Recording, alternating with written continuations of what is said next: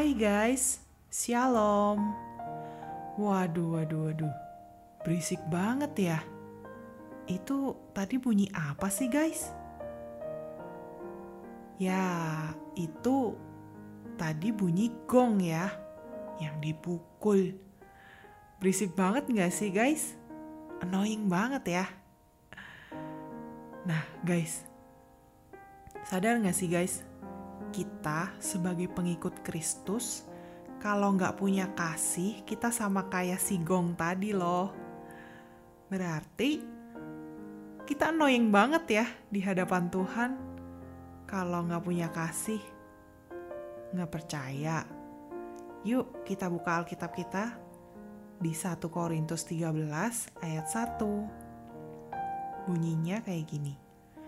Sekalipun aku dapat berkata-kata dengan semua bahasa manusia dan bahasa malaikat, tetapi jika aku tidak mempunyai kasih, aku sama dengan gong yang berkumandang dan canang yang gemerincing. Tuh guys, Alkitab aja bilang kayak gitu. Jadi inget ya, ada peribahasa yang bilang tong kosong nyaring bunyinya. Ternyata bener ya guys ya ayat itu tuh sama kayak peribahasa itu. Jadi sama aja kayak uh, kita tuh kalau nggak punya kasih, kayak no action talk only gitu, nato. Banyak bicara tapi nggak ada tindakannya sama sekali.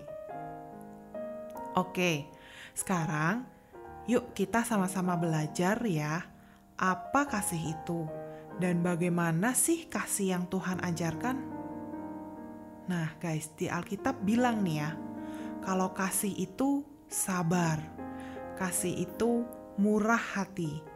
Ia tidak cemburu, ia tidak memegahkan diri, dan tidak sombong.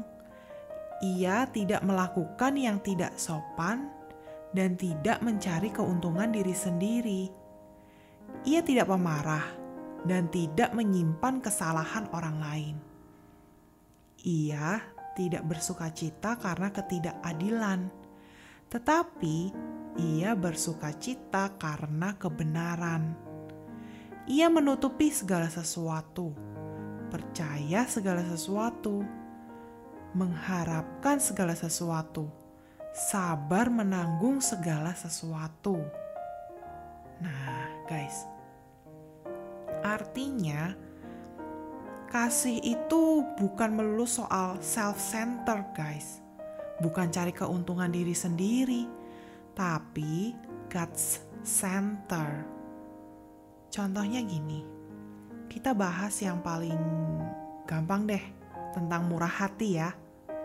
Nah, kita harus bantu orang-orang yang lagi kesusahan, kelaparan, kekurangan dengan kasih mereka bantuan, contohnya kayak kasih mereka sembako, nasi bungkus, ya berbagai macam lainnya lah yang bisa untuk membantu mereka.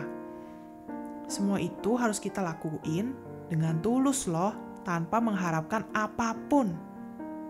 Jangan kita membantu tapi dalam hati ada pikiran pengen dapat pengakuan dari orang lain, atau pengen dianggap dermawan, atau juga membantu karena kewajiban aja.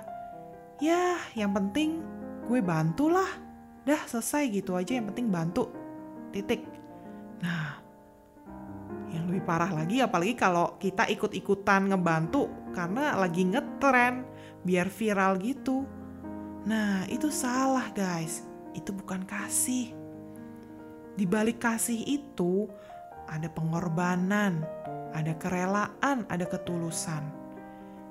Jadi, kasih itu nggak menuntut balasan, guys, dan nggak didasari dengan keuntungan diri sendiri, tapi didasari oleh belas kasihan itu sendiri. Seperti kasih Bapa kepada kita dia menyelamatkan kita dengan mengorbankan anaknya Yesus. Dan Yesus pun penuh kerelaan dalam menjalani kehendak Bapa, supaya kita semua bebas dari hukuman dosa yaitu kebinasaan, dan supaya agar kita memiliki kehidupan kekal. Nah, karena kita sudah terlebih dahulu dikasihi Allah, jadi sebagai anak Allah atau pengikut Kristus ya otomatis pasti lakuin kasih guys. Udah kayak nature-nya gitu loh. Jangan lakuin kasih karena kewajiban, tapi karena memang itu nature-nya atau memang itu sifatnya anak-anak Tuhan. Kayak gini nih ibaratnya nih ya, kayak es. Sifatnya apa? Dingin kan? Gak mungkin es sifatnya panas. Terus kalau api, sifat nature-nya apa? Panas kan? Gak mungkin sebaliknya dia menjadi dingin. Tidak mungkin.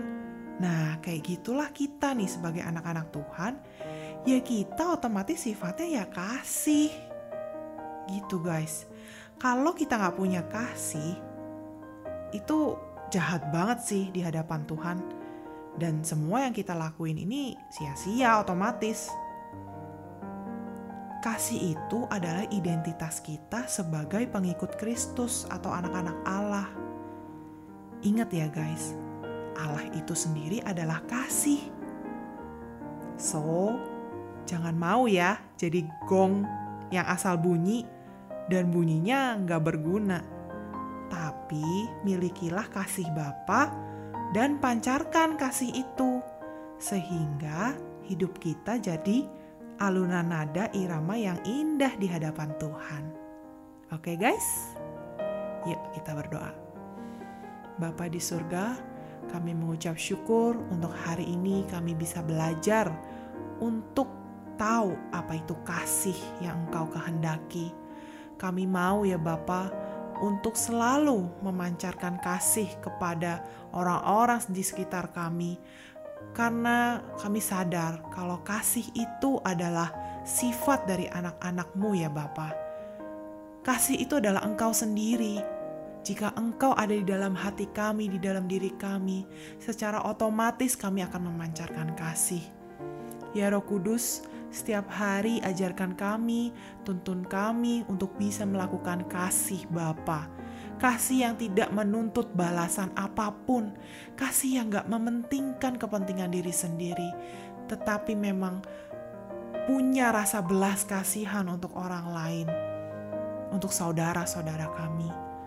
Terima kasih ya Bapak untuk pelajaran, untuk uh, renungan pada hari ini. Terima kasih ya Roh Kudus untuk selalu membimbing kami. Di dalam nama anakmu yang tunggal Yesus Kristus, kami alaskan doa kami. Haleluya. Amin.